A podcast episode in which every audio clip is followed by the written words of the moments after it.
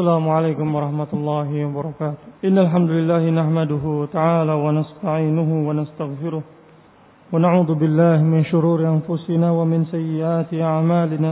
من يهده الله فلا مضل له ومن يضلل فلا هادي له. وأشهد أن لا إله إلا الله وحده لا شريك له. وأشهد أن محمدا عبده ورسوله.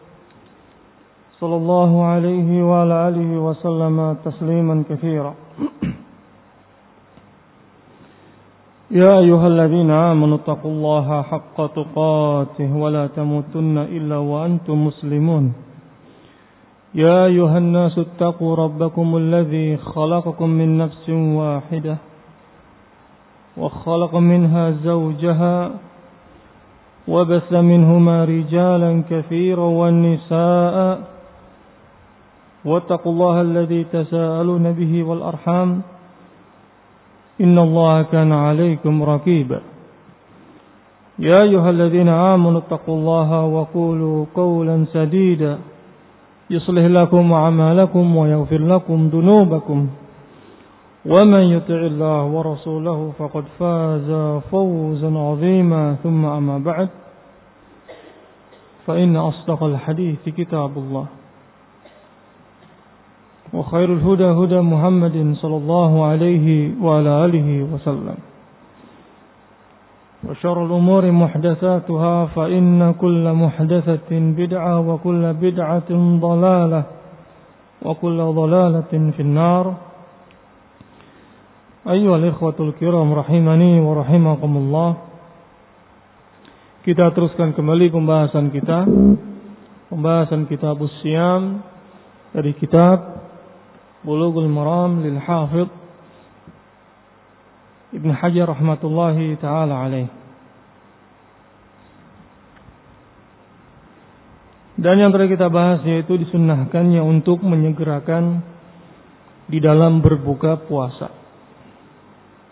Sebagaimana di dalam hadis Sahal bin Sa'ad radhiyallahu taala anhuma bahwa Nabi sallallahu alaihi wa alihi wasallam mengatakan la yazalun nas bi khairin ma'ajjalu al-fitr Manusia senantiasa berada pada kebaikan selama mereka menyegerakan di dalam berbuka puasa. Hadis mutafakun alaih. Keutamaan yang lain apa yang kemarin telah disebutkan apa saja? Sebutkan. Keutamaan menyegerakan dalam berbuka puasa. Yaitu akan mendapatkan kegembiraan ketika berbuka puasa sebagaimana Nabi sallallahu alaihi wasallam mengatakan lisa'in farhatan farhatun 'inda fitrihi wa farhatun 'inda liqa'i rabbih orang yang berpuasa dia akan mendapatkan dua kegembiraan. Kegembiraan yang pertama yaitu ketika dia berbuka puasa gembira dia telah mengamalkan sunnah Nabi Shallallahu Alaihi Wasallam dengan menyegerakan berbuka puasa. Berbuka puasa. Keutamaan yang lain, kejayaan Islam akan tampak. Sebagaimana dalam hadis Abi Hurairah radhiyallahu taala anhu, la yazalu din zahiran ma an-nasul fitr. Dalam hadis Abi Hurairah yang dikeluarkan oleh Abu Daud dan disahihkan oleh Syekh Mukbil rahmatullahi taala alaihi kama fil jami' sahih Rasulullah sallallahu alaihi wasallam mengatakan la yazaluddin dahiran bahwa agama ini akan berjaya mendapatkan kemenangan akan tampak ketika manusia menyegerakan di dalam berbuka puasa Keutamaan yang lain, Naiwan. Menyelisih orang-orang Yahudi dan Nasara. Naam. Sebagaimana di sambungan dari hadis tadi yang kita sebutkan, la yazalud din zahiran ma ajjalan nas al-fitr li'anna al-yahuda wan nasara yuakhirunahu. Karena orang-orang Yahudi dan orang-orang Nasara mereka mengakhirkan Sehingga dalam bentuk penyelisihan terhadap orang-orang ahlul kitab dari Yahudi dan Nasara yaitu dengan menyegerakan di dalam berbuka puasa karena mereka mengakhirkan keutamaan yang lain akan lebih dicintai oleh Allah Subhanahu wa taala.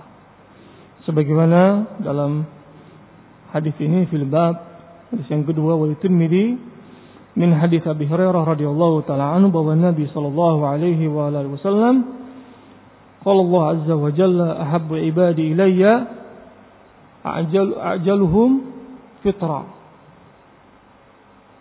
Ahabbu ibadi ilayya. Hambaku yang paling aku cintai ajaluhum fitra. Orang yang menyegerakan dalam berbuka puasa. Qala rahimahullahu taala An Anas bin Malik radhiyallahu taala anhu qala qala Rasulullah sallallahu alaihi wa ala alihi wasallam tasahharu fa inna fis sahuri barakah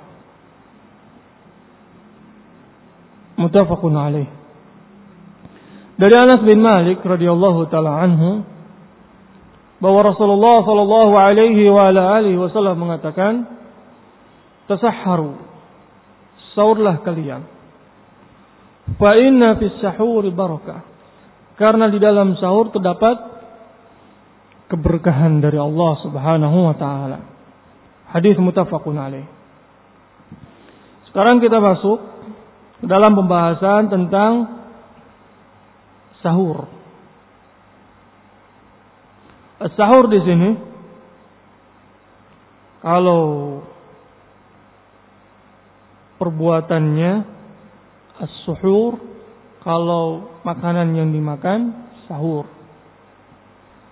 Sahur adalah sesuatu yang dimakan atau diminum pada waktu sahur yaitu akhir malam. Dan hukum sahur di sini hukumnya adalah sunnah, mustahab. Karena al-amr di sini laisa li ijab. Nah, bahkan para ulama menukilkan ijma para ulama bahwa sahur hukumnya adalah sunnah, laisa biwajib. Dalam melaksanakan sahur di sini, seseorang yang yang melaksanakan sahur, melakukan sahur, dia akan mendapatkan akan mendapatkan faidah keutamaan yang sangat banyak sekali. Keutamaan yang pertama yaitu sebagaimana hadis yang tadi kita sebutkan, hadis Anas bin Malik radhiyallahu taala anhu bahwa Nabi Shallallahu Alaihi Wasallam mengatakan tasahharu fa inna fi sahur barakah. Sahurlah kalian. Karena dalam sahur terdapat keberkahan dari Allah Subhanahu wa taala. Berarti keutamaan yang pertama yaitu dia akan mendapatkan keberkahan dari Allah Subhanahu wa taala. Dan keberkahan Maknanya yaitu seseorang tetap berada kebaikan yang di mana kebaikan itu datang dari Allah Subhanahu wa taala. Al-Allamah Syekh Ibnu rahmatullahi taala alaih ketika beliau mengatakan bahwa di dalam sahur itu terdapat keberkahan, beliau ditanya keberkahan di mana letak keberkahannya? Kemudian dijawab oleh Allah Syekh Taimiyah rahmatullahi taala alaih dengan mengatakan bahwa semuanya akan mendapatkan keberkahan. Dalam ibadahnya dia mendapatkan keberkahan dari Allah Subhanahu wa taala. Dan juga keberkahan yang lain dia ittiba kepada Nabi sallallahu alaihi wasallam. sehingga dia akan mendapatkan kebaikan di dunia dan di akhirat. Orang yang melaksanakan sahur dia akan mendapatkan kebaikan di dunia dan di akhirat. Kebaikan di dunia dia semakin rajin beribadah kepada Allah Subhanahu wa taala. Karena dengan sahur itu dia akan mulai bisa melaksanakan ibadah.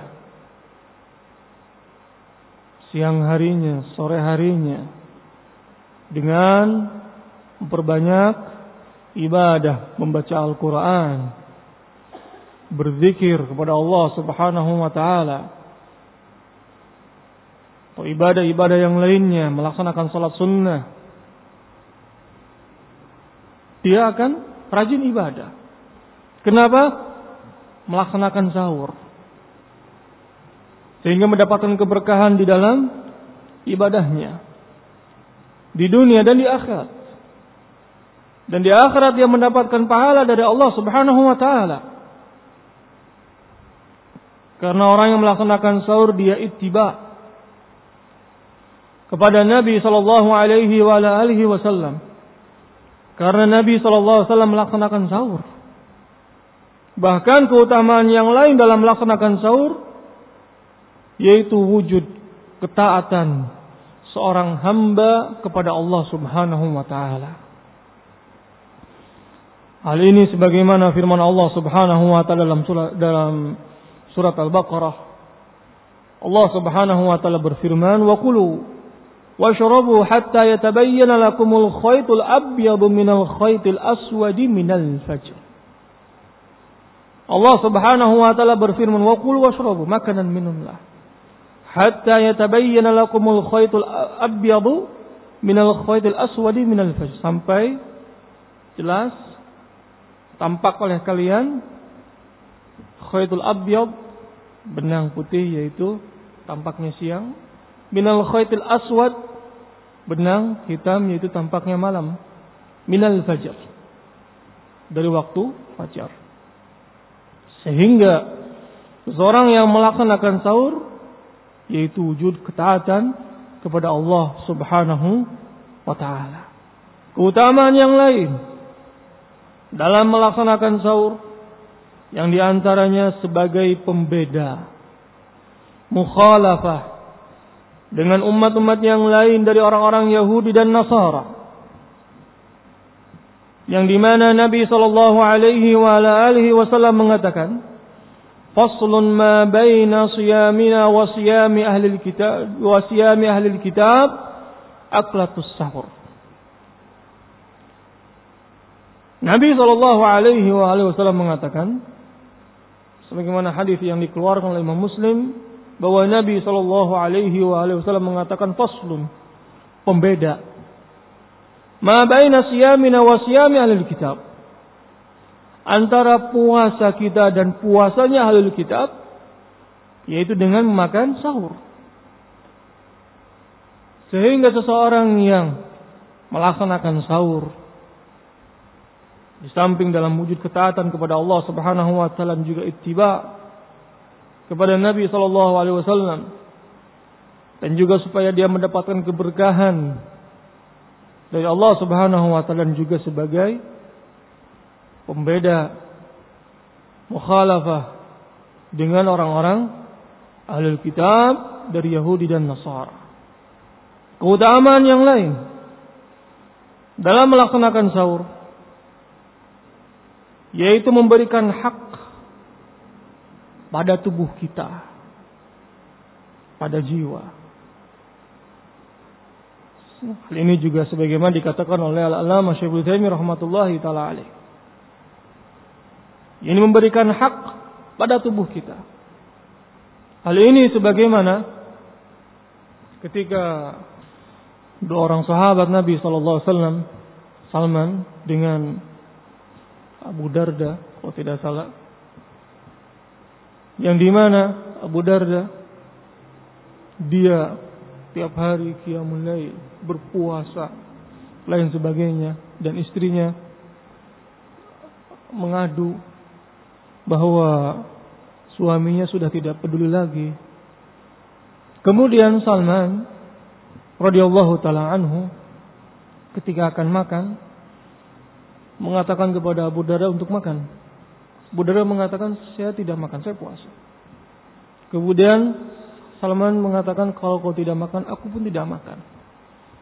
Kemudian dua-duanya makan. Kemudian ketika mau tengah malam, Abu Darda dia dalam keadaan tidak tidur, kemudian Salman menasehatinya untuk tidur. Kemudian di akhir lail bangun melaksanakan qiyamul lail. Kemudian Salman menasehati kepada Abu Darda dan mengatakan, "Inna li jasadika 'alaika haqqun." Sesungguhnya jiwamu, tubuhmu itu punya hak. Matamu punya hak. Keluargamu punya hak. Dan Robmu juga punya hak. Maka berikan haknya itu kepada haknya masing-masing. Sehingga dengan memakan sahur itu memberikan tubuh kita dengan haknya. Apa itu haknya? Makan. Supaya ketika pada siang harinya badan tidak lesu, lemas. Pagi, siang, sore tidur terus. Ketika ditanya, kenapa tidak begini, tidak begitu? Alasannya tidak sahur. Ini salahkan sahurnya. Padahal orangnya yang tidak melaksanakan sahur. Sehingga dengan kita mengkonsumsi akan ketika sahur itu memberikan hak kepada tubuh kita. Karena kita akan menjalankan aktivitas ibadah di siang harinya sehingga supaya ibadah kita semakin rajin. Membaca Al-Quran kita. Dan juga yang lainnya.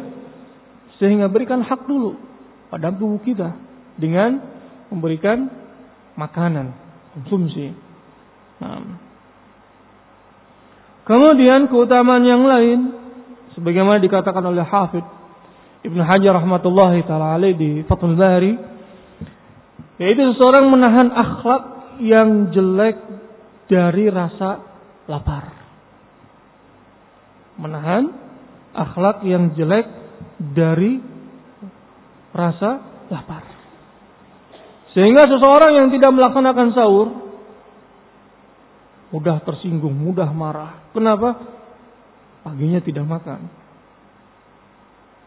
Sehingga timbul akhlak jelek dengan ucapan yang kotor lain sebagainya. Kenapa?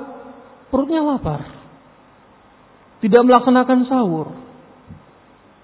Sehingga akhlak jelek keluar. Sehingga agar tertahan akhlak jelek dari rasa lapar, yaitu dengan memakan sahur. Sebagaimana dikatakan oleh Al-Hafidh Ibnu Hajar rahmatullahi taala alaihi. Taib. Dan para ulama menyebutkan bahwa di dalam sahur seseorang bisa melaksanakan sahur walaupun dengan hanya minum saja. Boleh. Tapi lebih utama dia makan dan minum. Nah, walaupun minum saja apakah dia telah mendapatkan sunnahnya sahur? Naam. Nah, tapi lebih utama makan juga. Kenapa? Supaya dia lebih kuat, supaya bisa lebih rajin dalam melaksanakan ibadah ketika siang siang harinya. Dan seorang sepatutnya dalam mengkonsumsi makanan ketika sahur konsumsi makanan-makanan yang tinggi protein, nah, makanan-makanan yang menyehatkan, nah, makan korma, atau kalau minum ditambahkan air madu dengan air yang hangat, yang itu semuanya bisa menguatkan. Ya kalau tidak ada dengan air putih cukup jais. Baik. Kemudian disunnahkan seseorang untuk mengakhirkan sahur. Apa dalilnya disunahkan untuk mengakhirkan sahur? Sebagaimana dalam hadis Anas bin Malik, An Zaid bin Thabit radhiyallahu taala anhuma قال تسحرنا مع رسول الله صلى الله عليه وعلى آله وسلم ثم قام إلى الصلاة قال أنس قلت لزيد كم كان بين الأذان والسعور قال قدر خمسين آية dari Anas bin Malik radhiyallahu taala anhu dari Zaid bin Thabit radhiyallahu taala anhuma tasaharna ma'a Rasulullah sallallahu alaihi wa alihi wasallam kami sahur bersama Rasulullah sallallahu alaihi wasallam thumma qama ila shalah kemudian kami laksanakan salat qala Anas kemudian Anas bertanya kepada Zaid ibn Thabit qultu li Zaid kam kana bainal adan wa sahur berapa waktu antara adzan antara makan sahur antara adzan dengan makan sahur Kam kana bainal adan wa sahur. Berapa waktunya antara adzan dengan sahur? Qala kemudian Zaid bin Sabit mengatakan qadr khamsina ayat. Seperti seseorang membaca ayat 50 ayat. Dalam hadis ini hadis Zaid bin Sabit radhiyallahu taala anhu yang di mana telah melaksanakan sahur bersama Nabi Shallallahu Alaihi Wasallam. Kemudian melaksanakan sholat.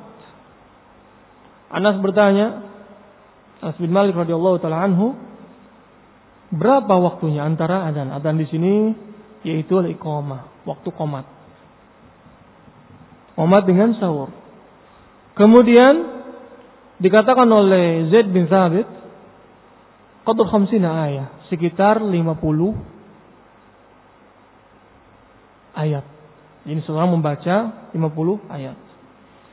Di dalam hadis ini, ini dalil tentang disunahkannya seseorang untuk mengakhirkan sahur.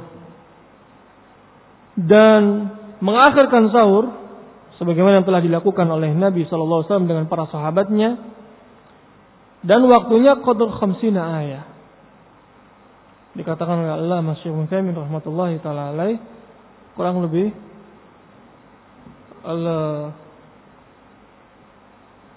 20 atau 30 menit. Yang jelas seseorang membaca 50 ayat dengan bacaan yang tertil. Tidak urut cepat, tidak urut lambat. Bacaan yang tertil. Setelah membaca ayat Al-Quran 50 ayat dengan bacaan yang tertil. Kurang lebih sekitar 30 menitan. Nah. Ini disunahkan. Nah. Dan jangan terlalu dekat sekali. 5 menit mau azan baru sahur. Kenapa? Karena dia akan terburu-buru. Sehingga apabila dia terburu-buru, masakan yang masih panas dimakan. Dan juga dia memakan tanpa mengunyah, misalkan. Padahal dari segi kesehatan, makanan itu lebih baik dikunyah kurang lebih 24 kali. Kenapa? Agar pencernaan seseorang itu baik. Sehingga apabila dia main telan-telan saja, pencernanya akan ter terganggu. Sehingga perlu dikunyah makanan. Nah. Dan juga dalam sahur tidak terlalu malam. Contoh misalkan jam 2 jam 2 malam misalkan sahur. Itu terlalu malam. Nah, sehingga ketika dia habis sahur tidur lagi sehingga ditakutkan telat sholat subuhnya. Dan juga ketika seseorang mengakhirkan sahur, yang di mana dia bisa beraktivitas, bisa beribadah kepada Allah Subhanahu Wa Taala dari ketika terbit fajar sampai matahari terbenam. Berbeda dengan seseorang yang sahur misalkan jam 1 atau jam 2 malam. Jam 8 atau jam 9 perut terasa lapar lagi. Kenapa sudah dicerna? Kenapa sahurnya jam 2? Sehingga waktunya berjalan. Sehingga jam 9, jam 10 kok lapar ya? Padahal tadi sahur. Jam berapa sahurnya? Jam 2. Terlalu malam. Sehingga ketika diakhirkan di samping sunnah kemudian dia bisa mendekati salat subuh. Nah, sehingga tidak terlambat salat subuhnya. Dan juga masa waktu sahurnya masa kekuatannya itu begitu akan akan lama. Kenapa? Karena baru diisi tadi sebelum subuh setengah jam sebelum adzan subuh sehingga jam 8, jam 9, jam 10 atau bahkan siang hari masih kuat badannya. Atau bahkan sampai sampai sore. Kita cukupkan pertemuan kita sampai di sini insyaallah taala kita akan teruskan kembali pada pertemuan berikutnya. Naktafi subhanakallahumma bihamdik astaghfiruka wa atubu ilaik. Assalamualaikum warahmatullahi wabarakatuh.